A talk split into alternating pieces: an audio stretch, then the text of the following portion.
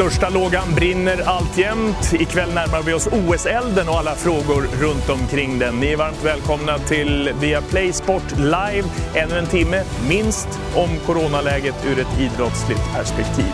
Allra först, senaste nytt om fotbollsallsvenskan som har satt ett nytt preliminärt startdatum. Det är början av juni som gäller om klubbarna får som de vill. Det är förslaget i alla fall för eh, Fotbollförbundet att ta ett beslut om förmodligen senare den här veckan istället för början av april alltså. Det vi, eh, kommer vi till det där ämnet under den här kvällen. I övrigt ur programmet, en del av innehållet. Det är eh, OS på programmet allra först ut. Mycket om det. Där är det grönt ljus fortfarande. Lasse Lagerbäck, från karantän till en ny situation och förhoppningsvis på vägen till EM. Ni hör honom och kan ställa frågor till honom under den här kvällen. Det blir mycket om annat ifrån USA, förutom UFC också. Om både NHL, NBA och NFL. Det där laddar vi för under den här kvällen. Men det är alltså mycket olympiskt härifrån till att börja med. Där finns det fortfarande väldigt stora förhoppningar, i alla fall från eh, IOK.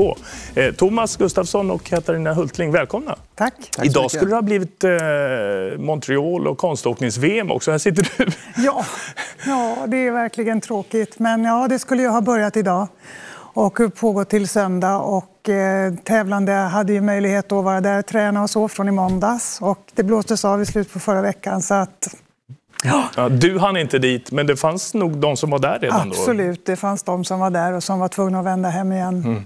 Eh, ett besked bland många som vi kan diskutera under den här kvällen. Thomas, det är väldigt mycket OS-skimmer runt dig och din karriär. Du finns eh, där i, symbios med de ringarna. Nu kommentator när det gäller skridsko hos oss, det är vi glada ja. för också. Eh, när det gäller beskeden från Tokyo, att, att köra på, tror du dem?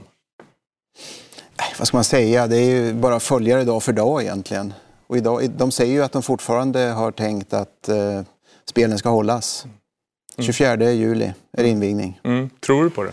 Alltså det Eller bara att nej, Vad ska man tro? Jag, jag, tror att det blir väldigt tufft och, med, med tanke på hur det utvecklas hela, dag för dag. Liksom. Det blir bara värre och värre. Mm. Men det kan jag inte är, gå. Nej. Det kan inte gå. Så känner du? Ja, så känner nej, jag absolut. Nej, men vad ska man säga? Nej, alltså, ja, men man kan ju hoppas, men alltså, det går ju inte. Vem ska vilja bo i Olympiabyn? Nej om det redan nu när det pågår, när det har pågått OS, om folk ändå avstår från att bo i den olympiska byn eh, trots att det är det som är själva hjärtat i OS. Mm. Liksom. Man väljer att bo någon annanstans. Vem ska vilja bo där då? Det är spontana man känner nu med ja, den ja. eskalerande utveckling vi ser. Ja, man närmar sig en gräns där man måste sätta liksom en, en, ett ja eller nej och, och då, är väl, då lutar det åt nej naturligtvis. Mm. Mm. Men det, det, det, är ju bara en spekulation. Va, va, vad ska jag säga liksom, om det egentligen? Nej, men alltså, de, de, och jag då? Nej, Nej. Du är åtminstone nära SOK. ja, nära och nära. ja det, det, är jag ju på sätt och vis. Då. Men det är ju några år sedan jag var, satt, satt med i styrelsen. Mm, mm. Än så länge i alla fall så säger de vi kör på, vi hoppas, vi tror. Både från Sveriges olympiska kommitté och den internationella olympiska kommittén. Än så länge brinner OS-elden och hoppet om att den ska tändas på allvar om fyra månader. Senaste infon från IOK är att eh, huvudlinjen eh, Tokyo eh, utsatt tid. Det är det första. Det andra det är att, eh, eh vad ska vi säga, statement att hälsan går först är eh, eh, ännu tydligare och det eh, innebär ju att eh, man jobbar tillsammans med, med eh, av den här expertgrupperingen som man har samlat. Och är det, är det så att, eh, att eh, eh, vad ska vi säga, det finns hälsorisker med förberedelser eller, med det räknar man ju kvalen, eller själva OS, då får man ju ta nya beslut. Ett efter ett så har mästerskap, ligaspel och andra idrottsevenemang ställts in eller skjutits upp i följden av coronavirusets globala utspridning. Däremot kommer OS i Tokyo att genomföras som planerat i sommar, i alla fall om man ska tro den internationella olympiska kommittén, IOK, som under gårdagen uppmuntrade alla idrottare att fortsätta förbereda sig inför spelen. Det finns ingen deadline utan det eh, vad ska vi säga, det, det, är mer en day by day monitoring och det, det Eh, det är nog arrangören egentligen som, eh, som sitter på den allra största bördan om man ska ändra någonting. Eh, så att det finns ingen sån headline utan man jobbar på för att, för att fullfölja det och visar det sig omöjligt då, då hittar man en annan lösning. Men, men det, det, det är fullt fokus på de två sakerna parallellt. Att klara av att genomföra spelen i tid och det andra det är att följa hälsofrågorna och inte ta någon risk. Då. Personligen, vad, vad, vad, tror du? Hur realistiskt är det att man kommer kunna genomföra dem i tid? Jag tror och hoppas det, ehm, men, men eh, eh, det är ju, är ju ingen som vet och det är ju eh, ingen som vet bättre när man vet mer än de som är fullt insatta i frågan. Och då, då menar jag medicinska experter. Jag menar, det är ett globalt nödläge så man, man, man måste lyssna på de som är ledande i frågan helt enkelt. Så låter det i SOK. Det där vet du hur det brukar eh, vara i, i det sammanhanget? Eh, tror, hoppas? Vad ja, men, eh, brukar vara. Det är en exceptionell situation. Ja, det är det. Och jag förstår, från SOKs sida, jag menar, säger IOK att vi kör spelen, ja men då fortsätter man ju förberedelserna som om då spelen skulle hållas. Mm. Och det är klart att, eh, som Peter sa i inslaget, eh, arrangören vill ju naturligtvis hålla, hålla fast vid idén att spelen ska ska genomföras. För att, eh, alltså, de har byggt en OS-by, den, den ska ju renoveras efter spelen alltså ytterligare då och sen ska folk flytta in där antagligen. Mm. Och det är politik vet, också, japansk, inhemsk sådan bakom det här, att försöka hålla ja, liv i det. Tror du att det spelar ja. in? Eh, för det var det jag menar med att du, du vet hur det brukar vara i, när det gäller makten i, i den olympiska rörelsen. Alltså, jag, ja, makten och, alltså, man vill ju naturligtvis genomföra spelen till varje pris men samtidigt så har man ju hälsan eh, för de aktiva och alla inblandade att ta hänsyn till. Sen, det, alltså, jag tror att det är ett extremt svårt beslut ja. att, att fatta. Ja, men, det, ingen vet ju. Det, men man kan landa i, så här, är det rätt att hålla öppet eller är det bara naivt? Det är väl någonstans där man landar just nu. Alltså om man tänker hur många människor som ska komma dit och titta på detta som de har räknat in, alla människor som ska komma dit och tävla, alla arenor som då är byggda och ska... Alltså hela apparaten runt ett OS är ju så gigantiskt. Det går inte att föreställa sig ens i friskt tillstånd hur stort det är. Svårt till och med friskt. Ja. ja. Och om man då har liksom ett sjukt katastrofläge mm. så, så är det... Jag håller med Thomas, det går, inte mm. det går nästan inte att tycka någonting. Alltså, man kan bara hoppas, men jag tror inte. Nej, men det finns ju redan nu att eh, även om det då skulle vara ett läge där ja, vi kan genomföra det här, att, att redan nu finns det ju hälsoaspekter där vi kan läsa utifrån att det finns en tydlig oro eh, inför situationen och det här beslutet att hålla det öppet. Från till exempel guldmedaljören, eh, den grekiska stavhopparen Katerina Stefanidi, som pratar just om hälso problematiken. Och det finns de aspekterna även från eh, Storbritannien. Det där låter eh, på det där sättet från, från flera håll. ja, men jag tänker också så här då att att eh, liksom olika mm. länder kan ju då fatta olika beslut. Vi säger att SOK bestämmer att nej, vi ska inte skicka några atleter dit för vi är för rädda för det. Men ett annat land bestämmer sig för något land i Afrika som inte har haft något fall och kanske inte har haft något fall i sommar heller. Ett annat bojkottskäl Ska de skicka då? Eller vem ska delta? Eller blir det rättvist? Blir det, alltså, det blir ju så nej, många frågor på bordet. Ja, men redan nu har jag, är du spanjor så får du inte gå ut. Nej, alltså, precis du har ju en situation som är ja. väldigt, väldigt speciell. Ja. Och där man hamnar i ett läge där man inte man tävlar, man kommer inte att tävla på samma villkor. Nej. Och redan nu är det ju då den eh, rättighets, eller, eh, aspekten om det är rättvist eller inte som, mm. som de eh, mycket riktigt tar upp både från Italien och från spanskt håll. Ska man ta in det redan nu om man har varit träningsfri en vecka? Mm. Alltså, finns den redan nu, menar du? Nej, men alltså det, vi ser ju inte slutet på det. Nej. Vi ser ju bara början på det antagligen. Men samtidigt, vi sitter här och spekulerar. Det, ja. det, det, är ju, det känns ju lite märkligt att man... Att, ja, men det är ju ett sånt hamnar... läge där vi ska ja, försöka vända och vrida och se in på vad som kommer och vad vi har just nu. Men mot spekulationstid. Av, av, mot bakgrund av förberedelser och kostnader så förstår man ju att de håller i så länge som möjligt. Det var ju samma med konståkningen i, i Montreal. Kanada är liksom ett av världens bästa länder när det gäller att arrangera ett konståknings-VM. De höll ju i in i det längsta tills de insåg att nej, men nu var damhockey-VM avblåst och curling-VM blåses av. Alltså då mm. gör man det också. Mm. Och så måste det ju vara i Japan också. Mm. mm. Hur, hur pass mycket är det att hålla i de här och, försöka in i det sista. Jag tänker på alla sponsorer och allt runt omkring. Det är en ekonomisk faktor också. Att man lite grann kanske låtsas utåt för att hinna få sina liksom, risker minimerade. Det måste finnas de, vice ordförande i SOK tidigare. Ja, fast jag kan inte uttala mig utifrån SOKs eh, roll så. Men, men, men jag, tror, jag tror att man som arrangör så, så har man väl något hopp om att, att att det här ska gå att genomföra. Och, och, och jag läste någonstans också att, att man vill visa på liksom idrottens kraft och, och mm. vara den där sammanlänkande... Liksom vi, ska, vi ska slå kor virus. Ja, vi ska slå Vinna corona. även mot virus. Ja, precis. Jo, men alltså, jag förstår alla de tankarna, men, men samtidigt om man tittar på det utifrån så, så känns det ju väldigt, väldigt pessimistiskt. Det är dessutom eh, lite knepigt, eller ganska mycket, att få ihop rätt startfält. Jag menar, det är väldigt många som ska försöka kvala in till de olympiska spelen. Om vi tittar till svensk svenska atleter så är det bara ett 20-tal som är klara för OS. Så det handlar om att hitta kvaltävlingar som fungerar och där man kan eh, få fram ett korrekt och, och, och rätt startfält så småningom. Det är ganska många som ska försöka ta sig in. Vi har eh, en av dem eh, med oss just nu på tråden från London, nämligen Agnes, boxaren Alexiusson, som åkte dit till London för att eh, kvala men som är på väg hem. Agnes, hör oss och berätta var du är och vad som har hänt.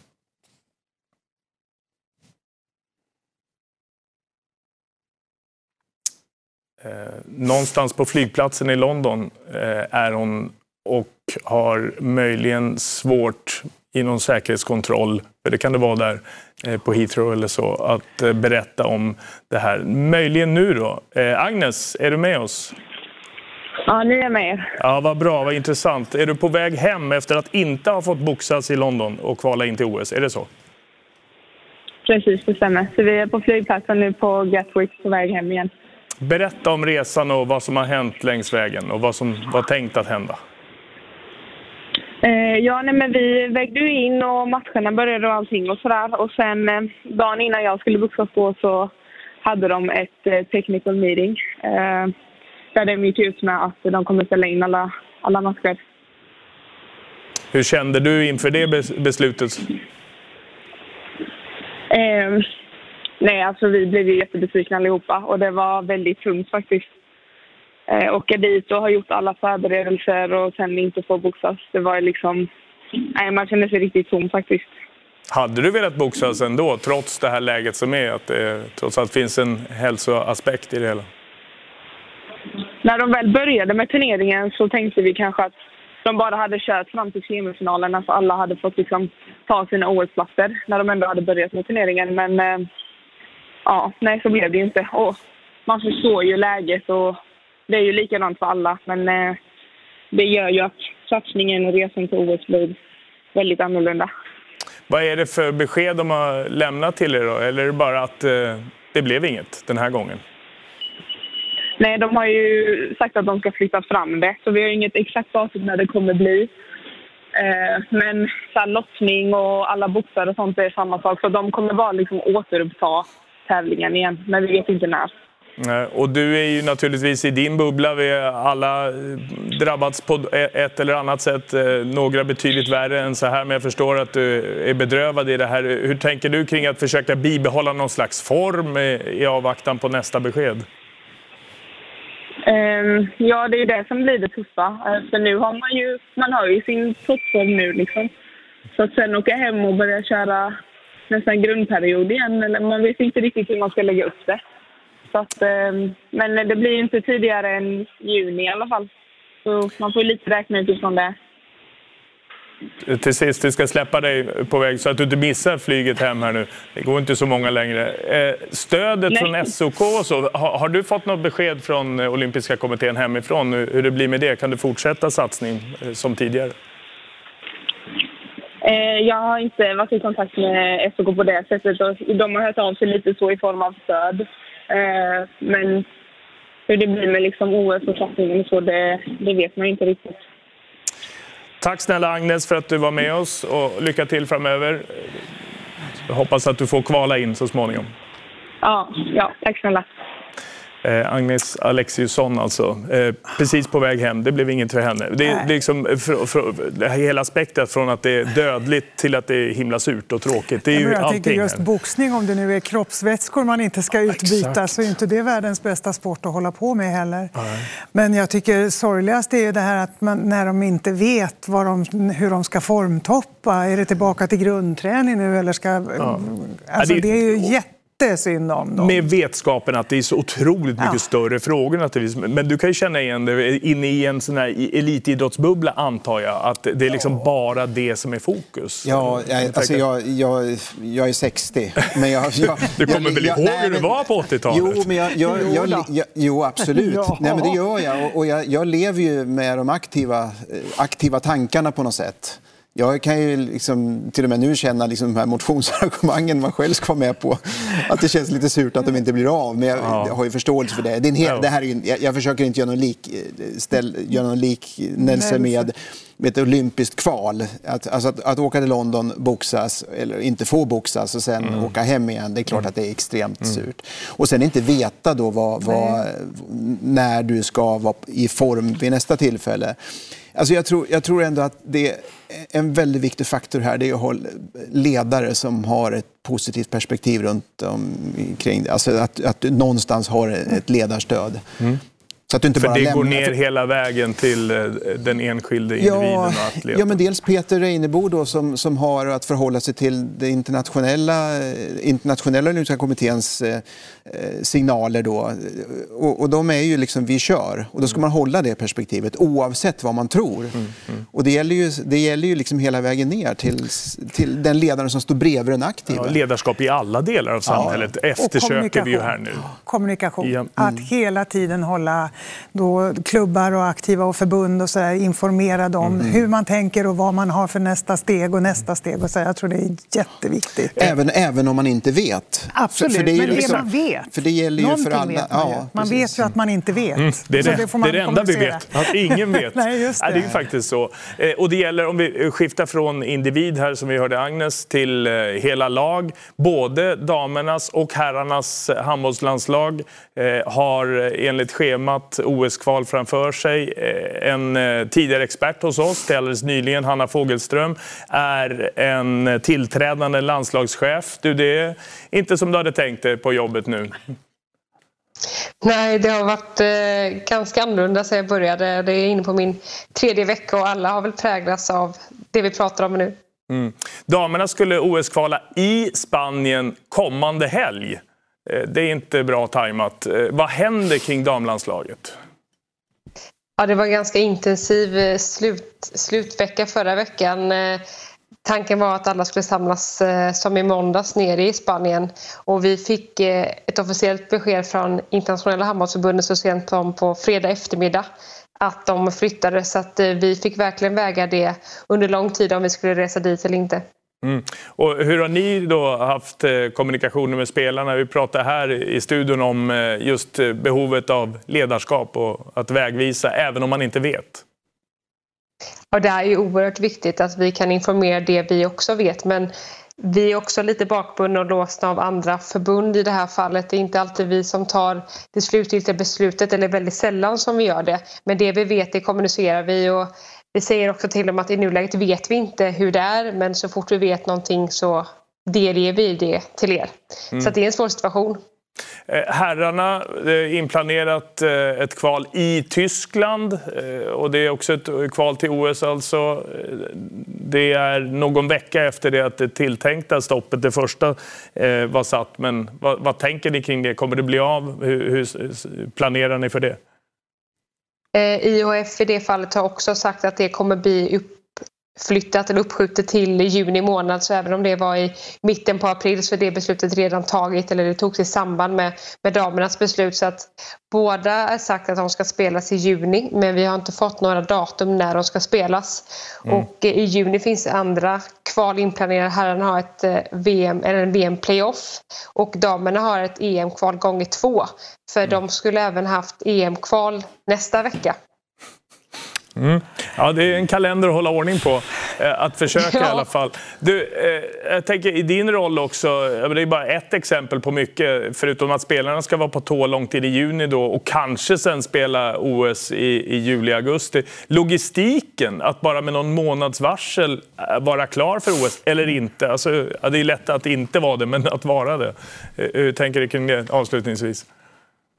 Det är ju svårt såklart och vi har pratat, eller ni har pratat en del om individuella sporter men som, som lag är det ännu svårare att styra över det och just att få den här matchformen och vi vet ju inte alla förutsättningar klubbarna har. De flesta av våra spelare är ju utomlands och de olika förutsättningar och direktiv från sina myndigheter, vad de får göra och hur de får röra sig egentligen i samhället. Eh, och där får ju vi ett ansvar och framförallt våra förbundskaptener ett ansvar att hålla den kontakten med spelarna och höra och lyssna till deras behov för att eh, kunna spela ett eventuellt OS-kval och även ett OS. Mm. Ja, vi får se hur det blir. Eh, lycka till vidare på jobbet då, Hanna. Tack för ikväll den här gången, eh, att du var med oss. Tack. Alltså hela lag som står med bara några få dagar egentligen mellan mm. ett lyckat OS-kval och en, en, det, det, viktigaste man kan vara med om. Eller det blir mycket idrott i juni. Jo, ja, men, jag, men jag, sitter, jag sitter ändå och tänker så här, menar, är du aktiv du, du, får ju aldrig lägga av i tanken. Liksom, utan du måste ju hela tiden tro på det som väntar. Och, och, även om du inte vet vad som väntar, och det är det jag menar med ledarskapet, att man, man, man, man får liksom någonstans ändå hålla hoppet uppe.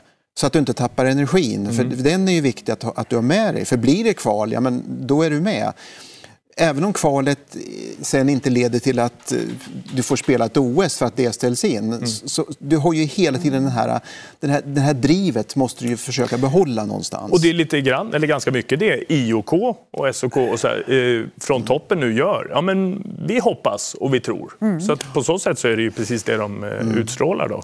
Man kan ju skänka en tanke till den japanska nationella ordföranden i den inhemska olympiska kommittén. Han mm. sover nog inte så mycket. Nej.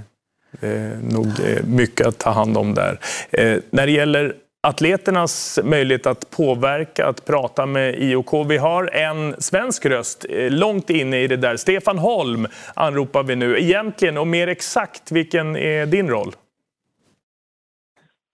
Jag är invald som aktiv representant då sitter man som det i åtta år. Men jag är ju fullvärdig IOK-medlem också så att jag har ju rösträtt i om man säger, de stora frågorna. Var OS ska gå, vem som ska vara president, vem som ska sitta i executive board etc. etc. Jag har yttranderätt och rösträtt i alla stora frågor. Och hur ser det ut nu då, när eh, det är en aktuell fråga verkligen med Tokyo till sommaren eller inte? Den Tokyo-frågan styrs väldigt mycket av Executive Board och president Bach i spetsen och naturligtvis i samarbete med WHO, med Tokyo 2020-organisationen och med Japan som nation och regering och så vidare. Så det är väl inte en fråga som jag är så inblandad i fullt ut men jag försöker ändå hålla mig informerad och har rätt att yttra mig om det behövs. Yttra dig här till att börja med då, eh, när vi nu frågar om, om vad du tycker om IOKs hållning att eh, köra på enligt plan så här långt.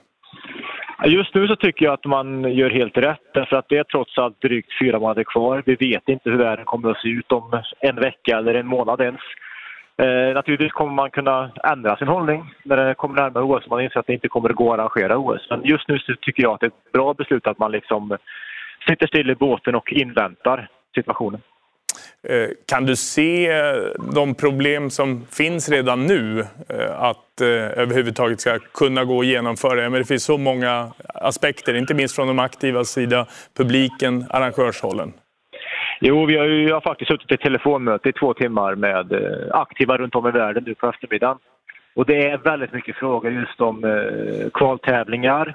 Många sitter ju faktiskt mer eller mindre i hemkarantän så att de inte har möjlighet att träna på sina idrottsplatser eller på sina gym eller på sina hallar och sådär. Eh, kommer man hinna genomföra tävlingar nog så man kommer komma i form? Kommer det vara säkert att tävla i Tokyo i juli? Kommer det som du också säger vara säkert för publiken att vara i Tokyo i juli? Så det är jättemycket frågor än så länge och det finns ju egentligen inga säkra svar. Utan man får ju bara hoppas och tro att det kommer att lösa sig och man får... Är man aktiv så bör man ju ändå i nuläget räkna med att OS går som planerat och förbereda sig för det. Hur ser dina kontakter ut då? Hur, hur, känner du, vad finns det för möjlighet att påverka utifrån din position som de aktivas röst? ja, de aktiva har en väldigt stark röst och vi har ju en direkt ingång till Thomas Bach. Jag har hans telefonnummer i min telefon om det skulle behövas. Naturligtvis har vi alltid rätt att yttra oss och han var med på mötet idag och svarade på frågor från aktiva från inte bara IOK aktiva utan även från andra Athletes Commission i andra sporter och organisationer runt om i världen. Så det är klart att eh, de aktivas säkerhet är ju trots allt det viktigaste i den här frågan. Men det du eh, gick igenom nyss med eh, frågetecknen och problemen, osäkerheten, känns det ens rimligt? Eller är det bara en naiv förhoppning? Alltså jag förstår att man har flyttat fotbolls-EM därför att det går en dryg månad tidigare. Det är utspritt på 12 olika platser runt om i Europa. Och dessutom så ska man helst hinna spela klart alla fotbollsligor runt om i Europa dessutom. OS är ändå på en och samma plats så det går en månad senare, slutet av juli, början på augusti. Så att, naturligtvis så finns det en förhoppning om att det kommer att gå. Just nu är ju ändå hållningen att det kommer att fungera. Och det är den information man har ifrån WHO och andra organisationer som man jobbar tillsammans med. Mm.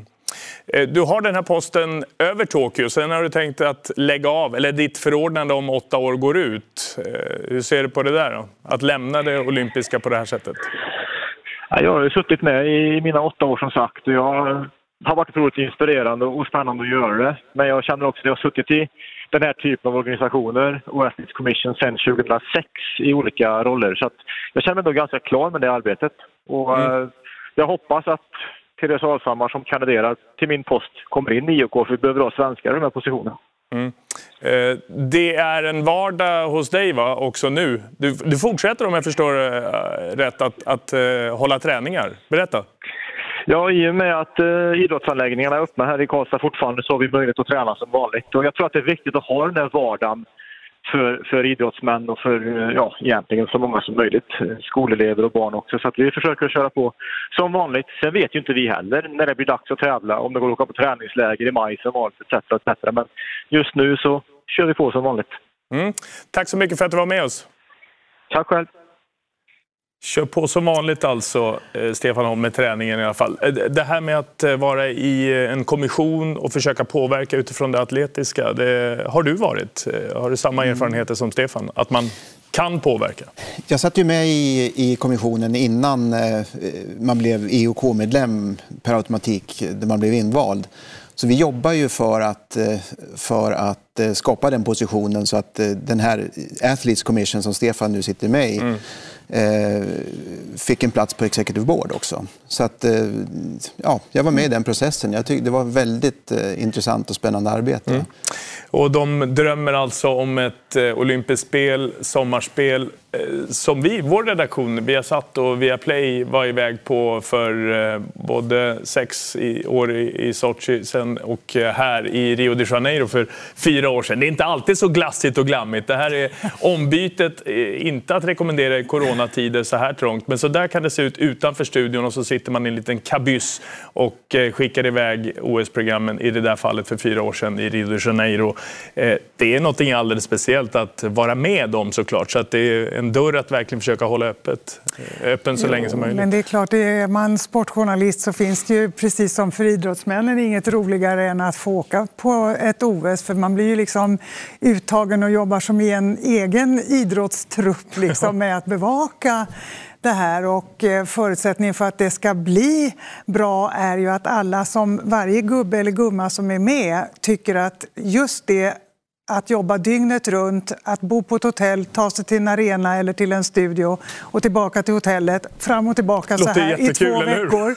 Att det är det roligaste som finns. Ja. Det är ju det det går ut på. Liksom. Ja. Eh, och så de som då eh, ska försöka få uppleva ja. det allra största de har varit med om, mm. åtminstone i idrottskarriären. Ja, och det är också en, en del av samma, det är en del av samma spel, att, att man gör showen tillsammans. Mm. Mm. Det är så... Verkligen, det...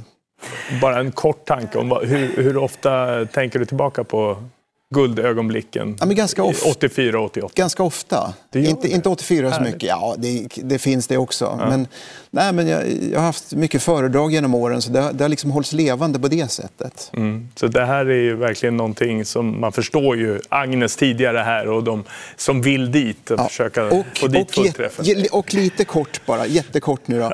nej, men alltså, när jag fick frågan att vara kommentator för, för vinterns eh, skridskotävlingar. Hos oss på Viasat. På Viasat ja och, på, och, Viaplay. Ja, precis. och det, var, det var ju någonting som jag först fick en klump i magen av. För jag kände liksom att nej, nej, nej, inte, absolut inte. Men jag blev övertalad, men gör det.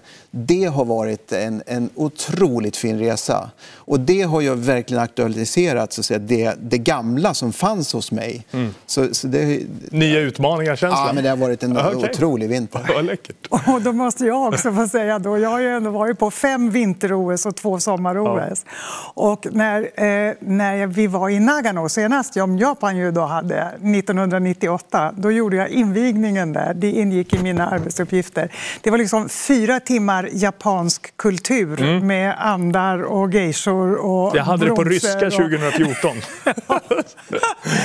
Så att det är ju ingen lek heller, alltså man tänker sig förberedelser inför ett sånt här mästerskap. Alltså det, det, är ju precis hur mycket som helst. Och för att knyta ihop det lite grann, eh, där vi började eh, vi tillsammans eh, med konståknings-VM, så är det ju ett exempel på hur mindre uppmärksammade idrotter, man ska inte säga mindre sporter, men mindre uppmärksammade idrotter behöver dramatiken och duellerna inför den stora publiken på den här olympiska scenen. Jag kan bara knyta ihop det med det som hade ja, kunnat vara en jag... duell i konståknings-VM, ja, men inte alltså blev det. Den här, det finns ju på här sidan två stycken killar som... Det här är ju de, ryska, de tre ryska tjejerna som ju då har tagit, övertagit scenen i konståkningsvärlden nu. De hade ju varit givna medaljörer förstås under det här VMet. Men jag tänker på här sidan där amerikanen Nathan Chen och japanen Yusura Hanyo, de har liksom vunnit två VM var. De vinner tävlingar tävlingar båda två när, när de inte är på samma scen. Den ena har världsrekordet vad det gäller poäng i kortprogrammet, den andra har världsrekordet när det gäller friprogrammet. De fightas hela tiden och ett år när det inte är OS så är ju VM det de Alltså de har ju laddat inför detta. Här är Nathan Chen. Mm. De har ju, och här kommer han ju. De vinner liksom varannan gång. Och alltså, den duellen som vi hade kunnat se i Montreal. inte salt i såren här nu då? Det är så retigt, för jag tänker att han, ju, han är ändå 25 år. Han kanske inte ens är med nästa gång det blir vinter. Det är sånt tryck i arenan. Oh. Det går inte att föreställa sig Nej. genom tv riktigt. Ja. Och nu ska man ju också säga, Ola, att konståkning är ganska stor sport i världen. Så är det. det... Liten i Sverige, men mycket tittare. Absolut, och det brukar vara det mest eh, betittade eh, under ett olympiskt spel, om man ja. nu kan säga så. Men ja. jag är väl medveten om det. Men mellan mästerskapen Nej, i alla fall. Precis, nej, men absolut. Och mm. det, det, är så sorgligt ja. att det kommer i Peking 22. Så kan det bli. Ja, det var dueller vi missar alltså. Tack snälla för alla insiktsfulla åsikter och tankar kring det olympiska. Det är fortfarande grönt ljus. Vi hoppas, ja, precis som IOK och SOK. Mm. Vi byter spår eh, till eh, fotboll och det senaste därifrån. En eh, passning från Sverige till Italien. Together we can really help hospitals and doctors and nurses who selflessly work every day to save our lives. Because today we are the ones cheering for them. Let's together kick the coronavirus away and win this match. And remember, if the virus don't go to Zlatan, Zlatan goes to the virus. En varning från Zlatan Ibrahimovic, en av många som nu agerar för att försöka förändra och förbättra. Ibrahimovic har startat en insamling för att hjälpa sjukhusen i Italien och hittills donerat över en miljon kronor. Eh, ibland kostar engagemanget lite ofrivilligt, som för John Obi Mikel till exempel. Han protesterade mot att spelet i Turkiet fortsätter att eh, fotbollen rullar där. Och det reagerade hans klubb, Trabzonspor, negativt på. Det slutade med ett rivet kontrakt. Aktuellt besked från England. Crystal Palace, Steve Parish, ägaren där, en av Premier League-klubbarna, har bestämt sig för att eh, fullfölja sina lönebetalningar. Även om det nu inte blir matcher. De som har varit schemalagda på matcher och eh, tänkt att jobba där, ja, de ska också få sina löner. Det är ett aktuellt besked från Premier League, bland många i nyhetsflödet. Det senaste när det gäller den svenska fotbollen är alltså att eh, allsvenskan ska försöka sig på en nystart i början på juni. Svensk elitfotboll har sammanträtt och kommit fram till det förslaget att eh, starta i början på juni. Och inte då i början på april som var det förra datumet och det första naturligtvis. Det är ett, eh, ett önskemål att eh, ta ställning för för Svenska Fotbollförbundet senare i veckan. Generalsekreterare i Svensk Elitfotboll, alltså klubbarnas eh, förening, är Mats Enqvist. Berätta för oss hur ni har kommit fram och resonerat till det här beslutet. Ja, det var en ganska lång process. Det är ingen, det är ingen liten sak att eh, flytta på 480 evenemang med 2,7-2,8 miljoner besökare. Så att, samtidigt är det ju ingen tvekan om att det är samhällsproblem i form av viruset som, som eh, underliggande stör alla verksamheter i Sverige just nu. Det påverkar givetvis oss, oss också. Vi måste ta vår del av ansvaret. Mm. Så vi har, eh, vi har försökt följa läget, vi har försökt eh, förstå vad som händer. Vi har naturligtvis rättat in oss efter vad myndigheter och andra säger. Och det, blir, det blir omöjligt för oss att dra igång en allsvenska som, som tänkt i april. Och det vi har gjort nu är att vi har pratat ihop oss med klubbar, supportrar, med våra olika partners, sponsorer etc. med förbund och SEF eh, och kommit fram till att vi kan ge oss själva en en flytt fram nu till, till juni. Eh, sen får man hoppas att det räcker till, men det innebär att vi har i alla fall nu två månader på oss att försöka få igång en riktig allsvenska igen. Har eh, det varit stor enighet kring det där? Jag menar, det är ett beslutsunderlag som är nästintill hopplöst.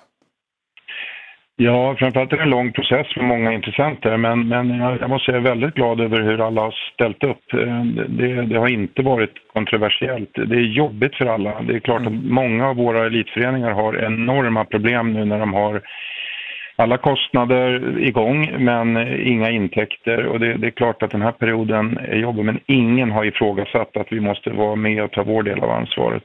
Tänker ni er med eller utan publik? Därför statsepidemiologen Anders Tegnell har ju sagt att det där låter lite tidigt utifrån smittoläget som det ser ut nu i alla fall. Ja, vi vet inte, men vi ska väl säga så här. Vad vi har gjort är att vi har gett oss själva två månader av handlingsutrymme nu och eh, det är en, tycker jag, en fantastisk möjlighet vi, vi har. Och när vi närmar oss den tidpunkten så kommer nog alla, inte, inte bara Anders Tegnell utan även vi och övriga veta vad, vad som gäller. Mm. Och det är klart att det finns möjligheter att, att ytterligare ta andra beslut utifrån läget när vi närmar oss startdatum. Men, men just nu tycker jag vi fokuserar på att vi har faktiskt gett oss chansen i alla fall. Det finns inga publikintäkter nu som det var tänkt och det är ganska många klubbar som eh, lever väldigt mycket på det. Det finns ett nytt tv-avtal, 4,5 miljoner kronor per klubb per månad. Kommer de pengarna in eller hur fungerar det? Ja, det räknar vi med. I dagsläget har vi inga förändringar. Som sagt att den här ligaförändringen vi pratar nu om start senare, det har alla parter, inklusive våra, våra sponsorer och rättighetsköpare varit med bakom. Så att, eh, men det är klart, det kan hända mycket fortfarande och det är illa nog att klubbarnas egna intäkter under den här perioden eh, fryser inne. Så att, jag, jag har inte varit med om ett liknande allvarligt läge någon gång och det är många klubbar som kämpar för livet just nu besked eh, från Mats Enqvist och Svensk Elitfotboll. Tack för att du var med oss. Tack så mycket. Allsvenskan alltså tills vidare preliminärt startdatum någonstans i början av juni. Så är tanken i alla fall. Från eh, ett ämne som vi kommer att återkomma till eh, när det gäller svensk eh, klubbfotboll till landslagsnivån. Vår egen Lasse Lagerbäck som har varit i karantän i Norge nu någon annanstans kallar på dig Lasse. Var, var sitter du någonstans? Var har du tagit dig? Jag sitter lite längre norrut än du just nu. Ja, sitter du bra då? Mår du bra? Ja, jag mår bra. Ja, berätta så om dina... man kan må just nu vid min ålder. Ja, ja, ja, ja, ska vi börja där? Känner du att du är i en riskgrupp? Ursäkta, men du är plus 70. Ja, ja, enligt expertisen ska jag inte vara ute och röra mig bland folk så att jag får, vet inte om jag ska lyda dem eller men jag är i alla fall ute i karantän nu så att eh, nu får jag väl bestämma själv hoppas jag. Ja, berätta, eh, vad har det varit på för eskapader? Du har suttit fast i Norge. Nej, jag har inte suttit fast där. Det, det, ja, då, I så fall har jag varit otydlig. Det, var ju... Nej, det är jag som inte har snappat det kanske. Berätta du. Ja, nej, men i och med att vi var i Holland då så bestämdes det ju i Norge då att man när man kom från utlandet måste man sitta i 14 dagar. Men eh, jag tog mig hem till Sverige så att eh, då behövde jag inte, här fanns ju inte den regeln. Så att citattecken norsk karantän kan du säga i Sverige. Okej, okay, fast utanför området så att säga.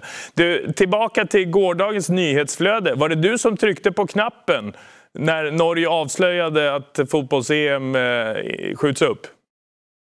Ja, det vet du väl nu sen då jag fått vara med hos dig att det kan inte vara jag som är så snabb. Så nej, det var faktiskt inte jag som tryckte på knappen. Ja, jag har också noterat ditt eh, ökade intresse för journalistiken och rapporteringen. Du är ju skjutjärnskille snart. Ja, jag tackar. Vad var det som hände? Ska... Vad sa du? Vad var det som hände i det norska fotbollförbundet? Ja, det var väl någon, precis som du sa, jag kan faktiskt inte bakgrunden helt men, eh, men eh, det jag har hört så var det väl någon som gav klartecken och, och inte kanske tänkte riktigt vad som hände. Men eh, jag har ingen riktig insight faktiskt. Ah, Okej, okay. ett par timmar nästan för tidigt så var det alltså Norges fotbollförbund som levererade nyheten om att fotbolls-EM skjuts upp. Vad tycker du om det där beslutet och beskedet? var bara väntat och accepterat? Eller vad säger du? Ja, absolut. Det är som du säger. Va? Jag menar, jag kunde inte så, se någon annan lösning. Jag menar, det har ju, går ju inte att spela i december tycker jag. Då har man ju dessutom styckat ligasäsongen. Så att det här kändes ju som det enda tänkbara beslutet som läget verkar vara just nu i alla fall. Mm. Och beskedet till er då? Jag menar, du sitter med ett landslag som nu då istället för att spela i, i mars för att försöka ta sig till det här Europamästerskapet, playoff-matcherna nu planerade i juni. Hur tänker du kring det?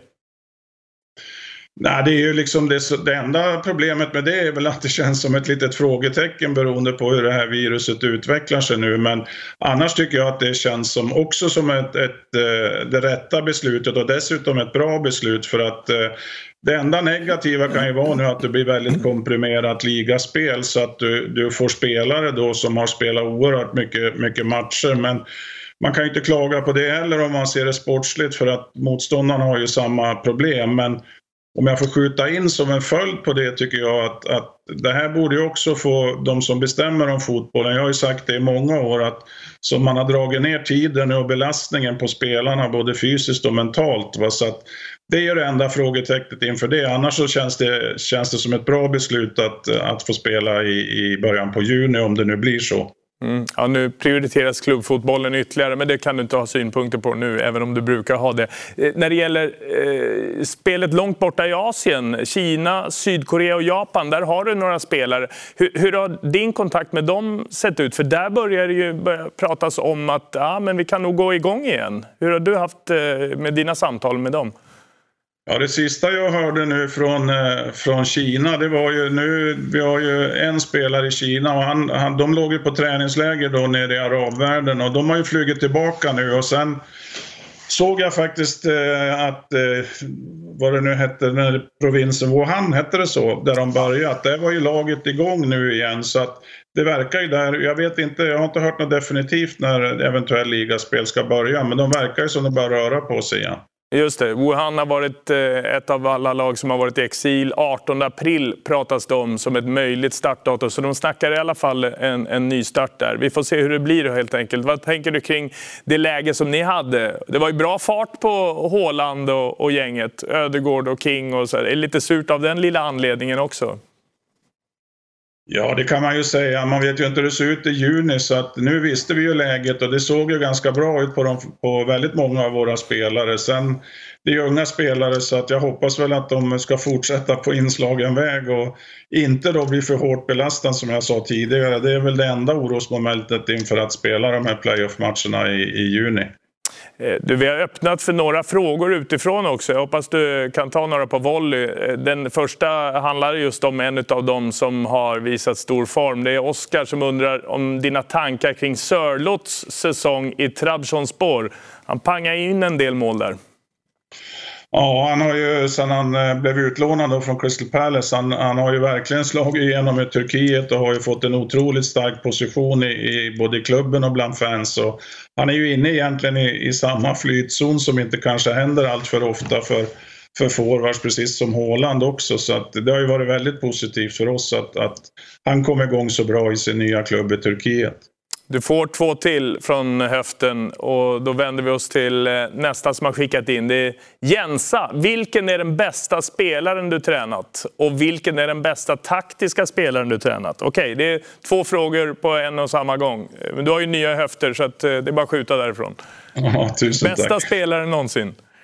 Ja, det är ju svårt naturligtvis. Jag måste få säga det först om du har tid för körschemat. Att det är så svårt att jämföra olika spelare i olika lagdelar. Men det är väldigt svårt att gå förbi Zlatan naturligtvis utifrån vad han presterar både i, i landslaget och sedermera i klubblaget.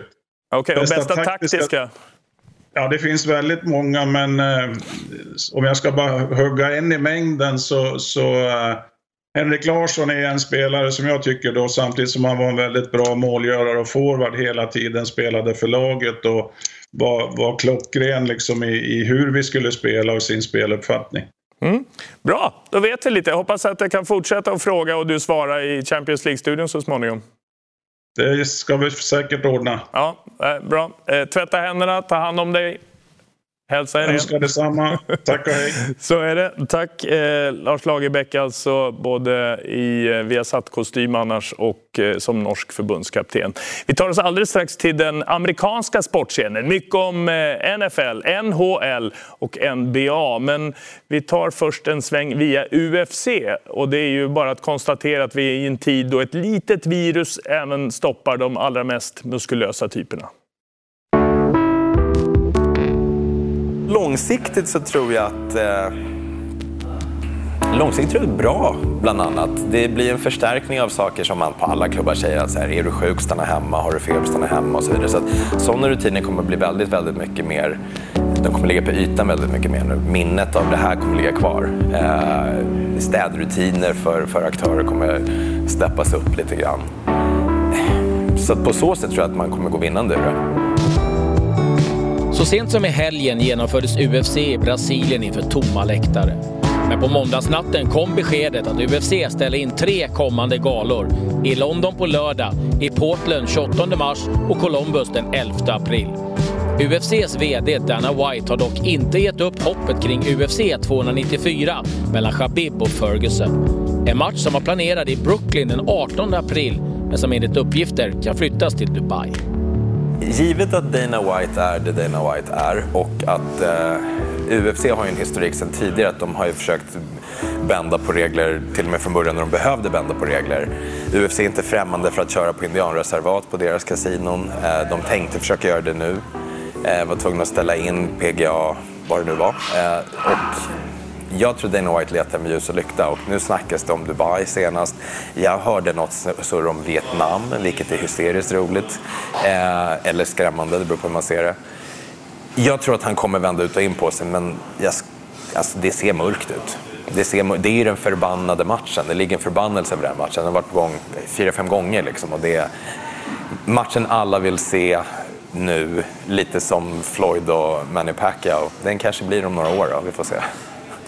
Hur var det, tycker du, när det var UFC Brasilia utan publik? Var det en stor skillnad? Det sjukaste jag gjort tror jag. Alltså det var, alltså i, i, liksom i kommenteringssammanhang, det var det galnaste jag varit med om någonsin. Och då har jag ändå bland annat kommenterat när Khabib hoppar ut ur buren. Liksom. Men, men det här var helt galet. Det var det var så konstigt. Det var, det var en sån tydlig påverkan. Det var i Brasilien, som är kända för den kanske galnaste publiken av alla. Eh, det är helt klart en faktor att åka och fightas i Brasilien mot brassar för att de har ett stöd som är galet. Den här gången så var det nästan en nackdel att vara på hemmaplan för brassarna kändes det som. Eh, och alla hade problem med att fatta vad de gjorde där.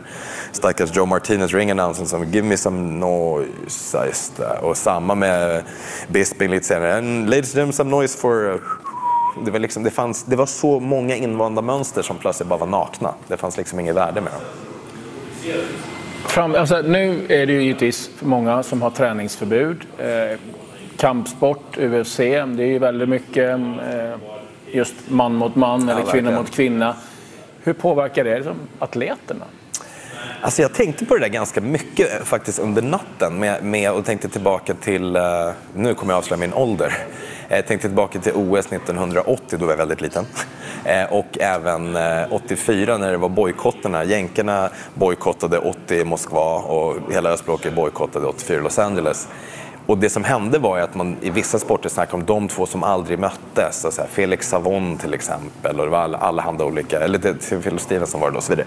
Det, det, var många sporter som aldrig blev av liksom, i toppmötena. Och det tror jag kommer hända nu. Att så här, det kommer vara några matcher som, till exempel om Khabib Ferguson faktiskt nu inte blir av. Det tar ju tid. Det, tar liksom, det är många fighters som idag pikar eller till och med sent pikar i slutet av sin karriär som så här, de sumpar ett år. Eller två. Det beror ju på. Liksom. Så jag tror att det kommer lämna ett avtryck på något sätt. Jag tror att det kommer bli några matcher som vi pratar om om några år. Som, kommer ni ihåg den där matchen som inte hände, som man hade velat se? Liksom? Ekonomiskt för fighter, många kanske tänker på UFC Conor McGregor, det är flashiga bilar, mycket pengar. För merparten av UFC-fighters så är det ju kanske inte riktigt den tillvaron som är en verklighet. Hur påverkar det de fighters och de eh, atleterna att liksom, gala efter gala nu blir inställd? Katastrofalt skulle jag säga. Eh, katastrofalt. Många av dem driver egna gym som de hade kunnat falla tillbaka till om de inte hade fått match. Nu kan de inte göra det heller. Eh, de är beroende av sponsorer som eh, plötsligt blir drabbade ekonomiskt som då kommer dra in på sponsorskapen såklart. Och så vidare. så jag tror att det är en riktig katastrof på det. Eh, Stipe Miocic jobbar fortfarande som brandman. Det är nog bra för honom. Faktiskt. Men, men så här, gör du inte det, har du inte en sån garanterad plats, då ligger du ganska rökt till tror jag. Tror du det här kan bli så att UFC kommer att katta fighters? Ja och nej. Eh, ja, ur den cyniska bilden av att Dana White kommer se tillfället att göra sig av med folk som kostar pengar och signa människor som inte kostar pengar. För att plötsligt så kommer det, om UFC överlever, så tror jag kommer bli ännu mer snedvridet maktförhållande. Att UFC kommer nog kunna säga hej, ni får fightas för 500 spänn och påse havregryn. Och väldigt många fighters kommer typ behöva tacka ja till det. Claes Andersson samlade aktuella tankar både i och just utanför oktagonen. Alltså fler breda gossar, Hamish Maybon och eh, Filip Minja, välkomna. Tackar, tackar. Eh, för att prata ganska mycket om den amerikanska sportscenen. Eh, kort om det aktuella läget kan vi väl först syna och bara konstatera att det är stopp i stort sett och överallt hela tiden och på obestämd framtid när det gäller NFL, NBA, MLB. MLS, NHL. Ja, ni vet vad förkortningarna står för. Och det är, är en total eh, lockdown, som man skulle kunna säga. Eh, beskriv den amerikanska sportscenen i stort nu. Jag tror den speglar den amerikanska verkligheten att de tog inte tillräckligt allvarligt på det först. Vi såg incidenter där NBA-spelare till och med gjorde narr av folk mm. som tog allvarligt på viruset, smetade ner mikrofonen, vecka mm. senare är han sjuk. Mm. Eller smittad får man säga. Mm. Två dagar senare till och med. Så att, jag menar, det, det är absurt. Men jag tror det speglar den amerikanska, de har inte velat ta det här på allvar. De, Eh, pekar på Kina, de pekar på Europa, de pekar på någon annan än sig själva. Mm. Det är en tidsskillnad i vanliga fall och de ligger mm. efter. Mm. Ännu mer nu i coronatider. Så är det, absolut. Och kan verkligen instämma med det Hamish säger. att Så är det absolut. Och NBA blev ju ansiktet utåt för coronakrisen när det kommer till idrotten i och med att vi har Patient Zero, Ruby Gobert för Utah som kladdade ner mikrofonerna. Sen var i omklädningsrummet och lekte med sina lagkamrater. Och det har rapporterats om väldigt dålig stämning där efteråt. Mm. För folk vill inte liksom att vissa tar det på allvar och då går han över gränsen och då har mm. flera i det laget blivit diagnostiserade mm. som smittade. Och sen så i och med det så satte ju då NBA stopp. Och då blir han dessutom ansiktet utåt. Just det. Det var den här incidenten som satte stopp för allting, eller som satte fart på det kan man säga. Rudy Gobert eh, inför mötet mellan Utah Jazz och Oklahoma City.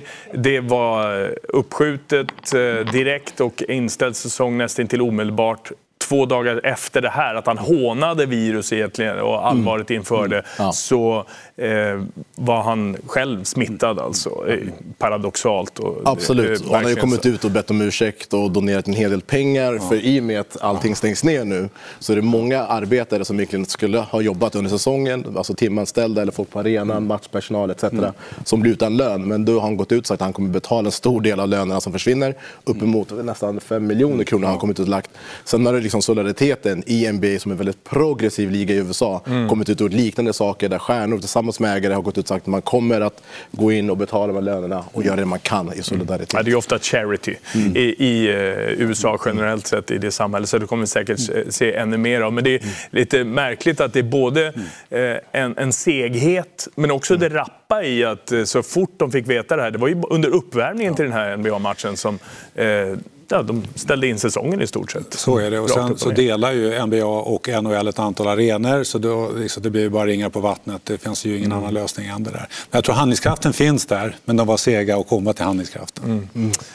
Eh, NBA var först ut, sen har det blivit eh, likadant för allt och alla. Mm. Eh, och ändå så är det en rätt intensiv period för mm. somliga som inte spelar. Det Mm. ni pysslar med i vanliga fall, NFL. Det är en transferperiod som har börjat. Precis, och nya ligaåret börjar ju den här veckan och i och med att NFL, och man vill ju inte använda ordet tur i de här sammanhangen i och med det som händer med corona, men de har haft en otrolig tur i och med att deras säsong avslutades. De har haft sina större events där man behövt ta in olika spelare och titta på college-spelare och nu kan mycket av allt arbete till säsongen börjar i september göras på distans. Så deras aktivitet och vardag har kunnat fortsätta i normal stämma. Och därför är det mycket nyheter nu kring NFL, transferfönstret, nya kontrakt, eh, stora spelare som rör på sig. Ges ännu mer utrymme än i vanliga fall? Ännu mer? Det är en För det är ändå desperat- inget, inget spel att, att konkurrera med. Det är en desperat nyhetstorka. Eh, Normalt sett nyhetstorkan, alltså när, när det inte är... Normalt sett så hade det varit hockey, det Mm. varit basket, springtraining på baseball. Eh, man behöver ju inte jobba, man är fullt upp. Nu finns ju ingenting. Så Mm. Nej. det här är det enda. Sen, sen är det också, precis som Filip nämner här, då, att ja, de höll den så kallade combinen när de samlar de mest lovande college-spelarna för att Mm, alla klubbarna ska kunna scouta dem. Eh, och det var inför publik och inför coacher från alla lag. Men däremot, den nästa stora grej, draften, den kommer ju ske utan publik. Eh, och det, det kommer lite grann som vi såg där i UFC-reportage, att det, det kommer bli lite konstigt. För det här är ju deras Det ska ju livsdröm. låta nu. Ja, Alltså vid presentationerna Och de och ska så. gå upp och ta på sig kepsen och Ja. vinka till mamma. Jag vet inte, Mm. det finns ju liksom... Ja, nej. Annars är ju NFL vana vid att, att vänta. Jag menar, det är ganska långt från Super Bowl som du var på i förra månaden till Precis. säsongspremiär. Det är ett halvår kvar fortfarande. Ja, men liksom. verkligen. Och mycket. Det är ju fortfarande oklart hur det kommer påverka dem i längden när säsongen närmar sig. Men just nu så fortsätter vardagen som vanligt för dem. Mitt i allt då, Mm. den största genom tiderna eh, som kommer med ett besked fyllt av känslor både före, under och efter den här läsningen. Ja, han är inte längre en av dem. Patrioterna. Tom Brady med sex segrar, ringar och vinster eh, i den här serien. Sex stycken titlar som eh, quarterback för New England Patriots. Nej, no more. You saw this tall, gangly looking kid, looked like having ever seen a weight room. One of the slowest quarterbacks in the combine. Does he wow you throwing the ball? Mm-mm. Our draft coverage continues at the end of the sixth round, and we talk about the teams and what they're looking for and for the players. New England's offense already designed for Bledsoe. Now comes Brady. Can he overcome that lack of mobility? The Patriots have won Super Bowl 36.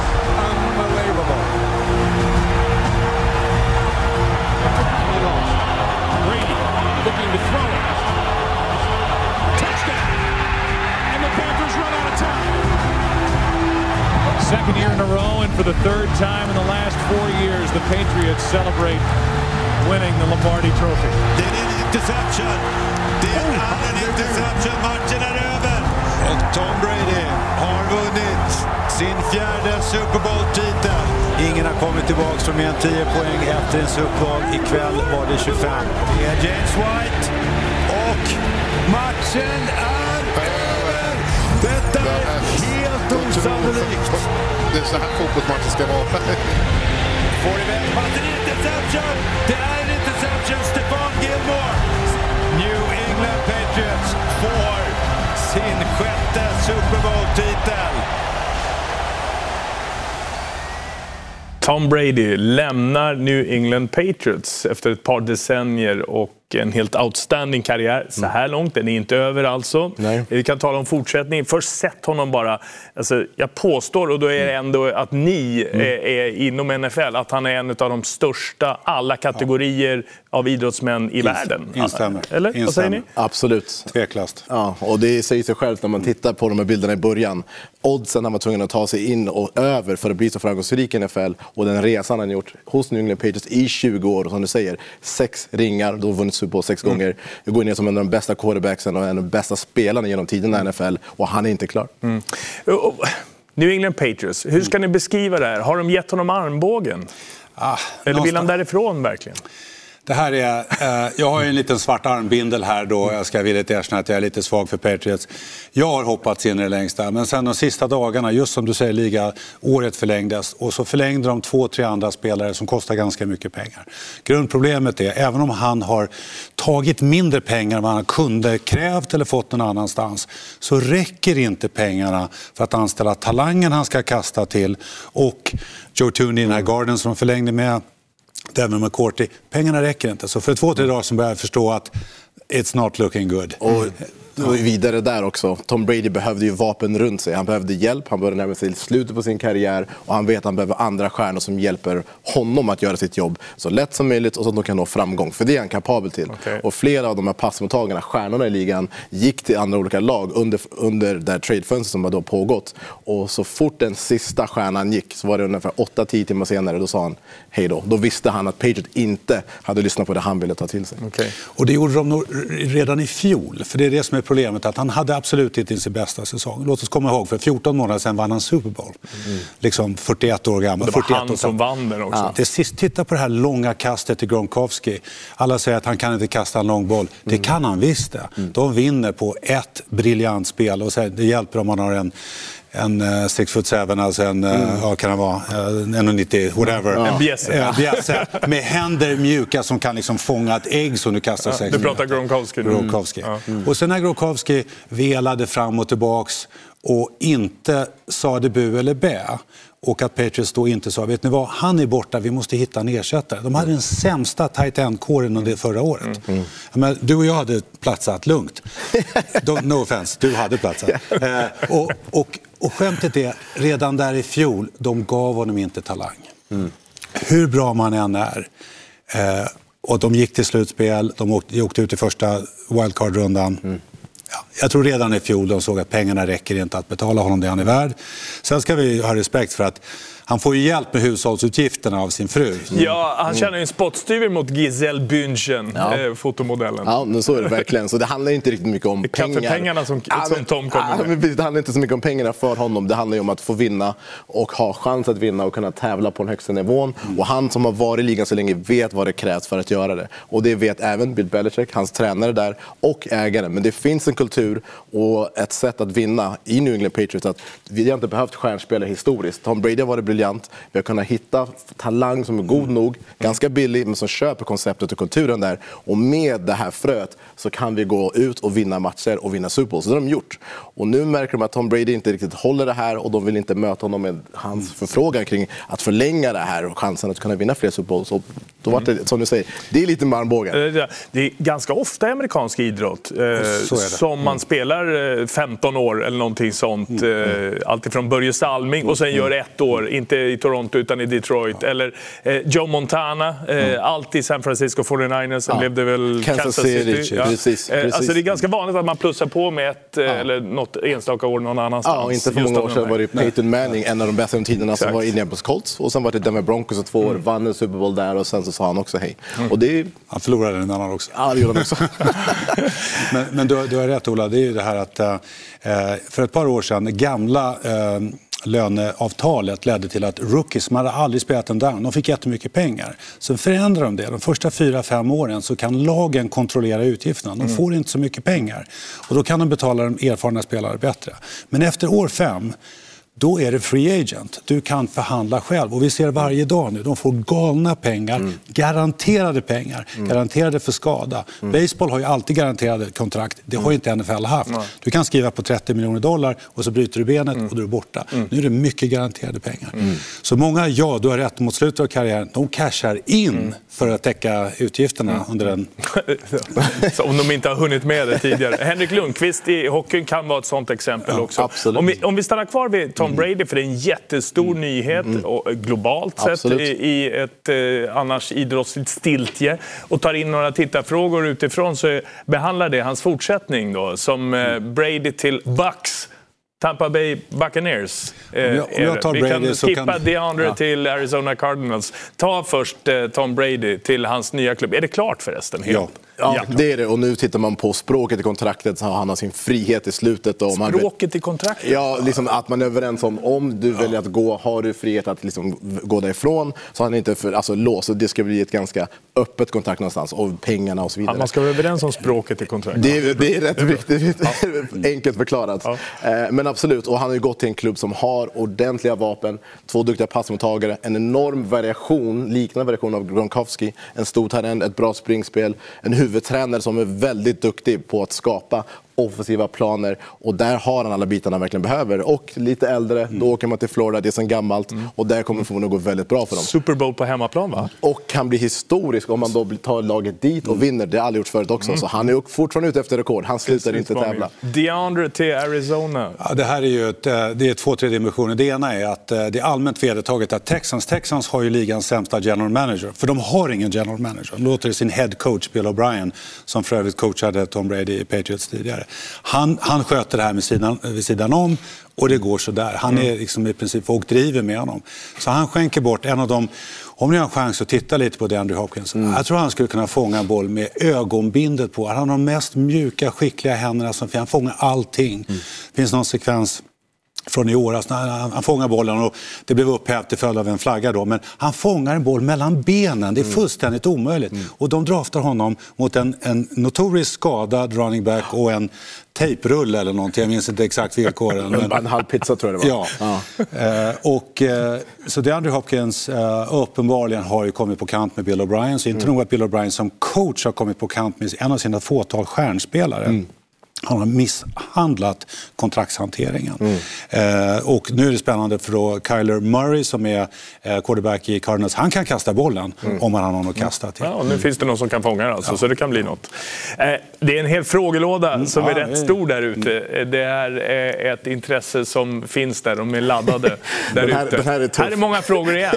Eh, Okej, vi, vi betar av så får du försöka ta det. Vad, då. vad tror ni om New York Jets? Ja, det, det är ingen, det är ingen Jets. vinstklubb direkt i de Nej, tiderna. alltså allting kommer vara bättre än förra året. För Okej. då var säsongen efter, över efter två, tre veckor. För då var deras quarterback sjuk med Ja. körtelfeber och där var det nästan över och skadan bara ramlades upp. Eh, De har nog väntat i 20 år på att Tom Brady ska lämna samma division och nu är han ute ur den. Så nu är den divisionen upp för grab. Så det kommer att gå bättre för Jets i år än vad det någonsin gjort på de senaste Okej, 20 åren. Skulle man nästan kunna tro. och så måste de fixa en OL, offensive line. Är det Yes, så? Bra. precis. För att skydda Darnold som är hyfsat färsk quarterback fortfarande i New York Jets. Mm, precis. Eh, har de något sånt? Ja, vi kan väl säga att när eh, Kansas City Chiefs vann Super Bowlen nu så var det ju 50 år sedan de vann och det är det 52 år sedan, sedan Jets vann. Så keep on dreaming skulle man kunna säga. Om jag tar den andra delen av frågan. Eh, jag, jag ser Buffalo som ett rejält hot. De skakade Patriots eh, eh, båda matcherna förra året. Eh, så att AFC East är ju lite grann uppe i luften nu.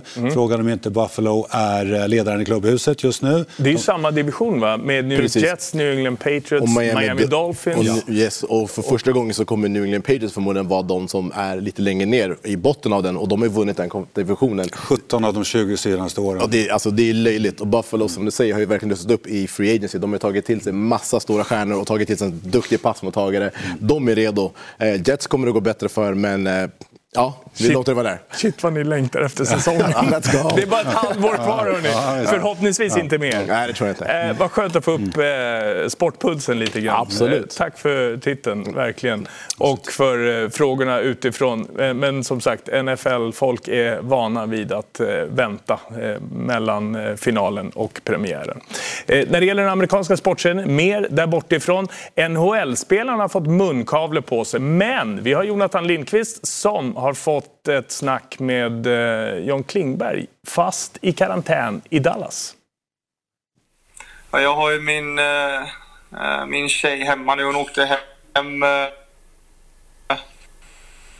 precis innan Trump stängde gränserna här. Och så att hon kan ju inte komma tillbaka. Och, vi har fått tillåtelse här nu att åka och vara i karantän vart vi vill i världen. Men vi jag vet inte riktigt om det är smart att, att sticka i och med att om det skulle dra igång här igen eller vad som skulle hända. Så att just nu sitter jag ensam här med eh, Uh, Janmark bor här också här nu. Och, så eh, inväntar invänta lite, lite mer info, lite besked. Får se, jag kanske åker hem här snart eh, och, och väntar ut vad som ska hända. Men just nu så känns det smartast att uh, bara sitta och, och, och invänta vad som ska hända. Det är liksom lika oklart för oss alla. Mm. Tror du att det finns... Tror ni ärligt att det finns en chans att det kan bli spel den här säsongen? Eh, jo, ja det tror jag i och med att förhopp de håller sina förhoppningar eh, öppna liksom. Eh, jag skulle väl tro att det kanske är 50-50 någonstans. Det känns som att någonstans har man läst också att, att det börjat bli, bli bättre i Kina och det, det utkristalliserades väl där för typ två månader. Eh, Två månader sedan. Så det är väl det NHL hoppas lite på att det ska bli bättre här eh, runt första maj, där i slutet av april och att man kanske förhoppning att man, man startar någonting då. Men eh, just nu så känns det som det bara blir mer och mer negativt eh, för varje dag. Eh, så det känns som att det blir lite längre och längre ifrån med. Och, Uh, sen vet jag inte, de har ju ställt in allt i Europa här nu vad gäller uh, hockey och sånt med och EM och, och sport överlag och det kommer ju såklart bli påtryckningar här borta i USA med om allt sånt känns det som. Och, eh, när det väl börjar sprida sig här borta i USA så kommer ju eh, kommer ofantligt många människor bli smittade liksom. Så att eh, som sagt, det, det, känns som ingen i hela världen vet vad som kommer hända. Eh, och det är det som är lite lite, läskigt att ens de som är proffs på det här har eh, kommit under bukt med det. Märker du av någon rädsla? Uh, både ja och nej. Många som tar det lite, lite som det är och sen så har väl man, man sitter ju hela tiden och, eh, och, och, lyssnar på TV och, och pratar med familj hemma och, och liksom hör vad kanske andra experter och, och sånt säger Men om man hör ju så så mycket olika hela tiden så det är det som gör att man blir lite fundersam också i och med att ingen har koll. Det är ingen som vet. Så alla sätter sin egen eh, fakta på det men eh, absolut så, så ser man ju artiklar och, och, nyheter där det säger att det här är liksom det är inget att leka med och eh, man ser Trump och, och hans eh, eh vicepresident och de experterna som Så att liksom, ni måste hålla er inne nu. Det här är vår bästa chans. Och, Eh, även att han uppmanar verkligen att alla måste verkligen göra det här nu. Även unga människor. Eh, han uppmanar liksom unga människor att göra det här nu för, för mänsklighetens skull. Liksom. Så att det, det är ju lite läskigt och man blir lite rädd när man ser att det är så allvarligt. John Klingberg, direkt eh, alltså i ett samtal med Jonathan Lindqvist om läget i Dallas. Just ovissheten, någonting som vi försöker hjälpa till med härifrån. Det är där vi slutar den här kvällen. Vi har satt Eh, sportpremium, Där kan ni se det här programmet via Play Sport Live. Både klockan 18 och i repris klockan 22. Ni streamar det givetvis när som helst när det passar er på Viaplay. Det finns som podd nu också om ni bara vill lyssna på de här programmen som vi återkommer till dagligen. Och efter oss, efter det här programmet, precis som vanligt numera, det är ju en tradition, dagens klassiker. Det kommer en eh, rätt målrik historia från norra England om en liten stund. Barton tar hand om frisparken. Och det här har varit farligt hela matchen alltså. Alla de här fasta har de varit duktiga på. Så han har kvar i målet den här gången. Han var ute och viftade lite. Så kommer Jake DOD utjämnar med tre minuter kvar av den här matchen! 0-4 har blivit 4-4 på St. James' Park!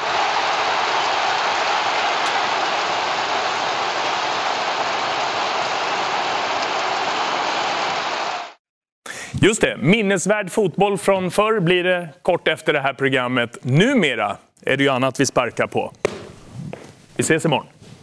Jag har förstått att det här är hårdvaluta just nu och om man bunkrar de här hemma så kan man faktiskt göra annat än att gå på toaletten med dem. Och just nu finns det en challenge som går ut på att man ska försöka jonglera och trixa med de här. Nu är jag gammal målvakt så jag vet inte hur många jag klarar men vi testar får vi se. Oj, fyra! Det var inte dumt Jonna, eller hur? Nu ska det trixas. Och tummarna.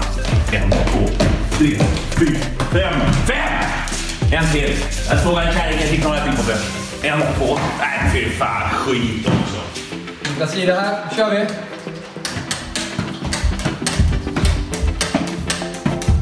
Aj, det är skitsvårt ju! Alltså.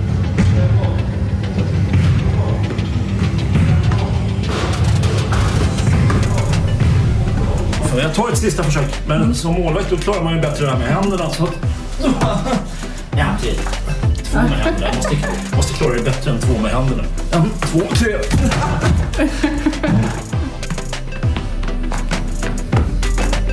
Sju! Sju! Det är mitt nummer. Och sju är alla dagar i veckan. Där ni nu ska försöka, allvarligt talat, håll er hemma så mycket som möjligt. Det är viktigt i dessa tuffa tider. Ha det bra så länge. Det här blir bra.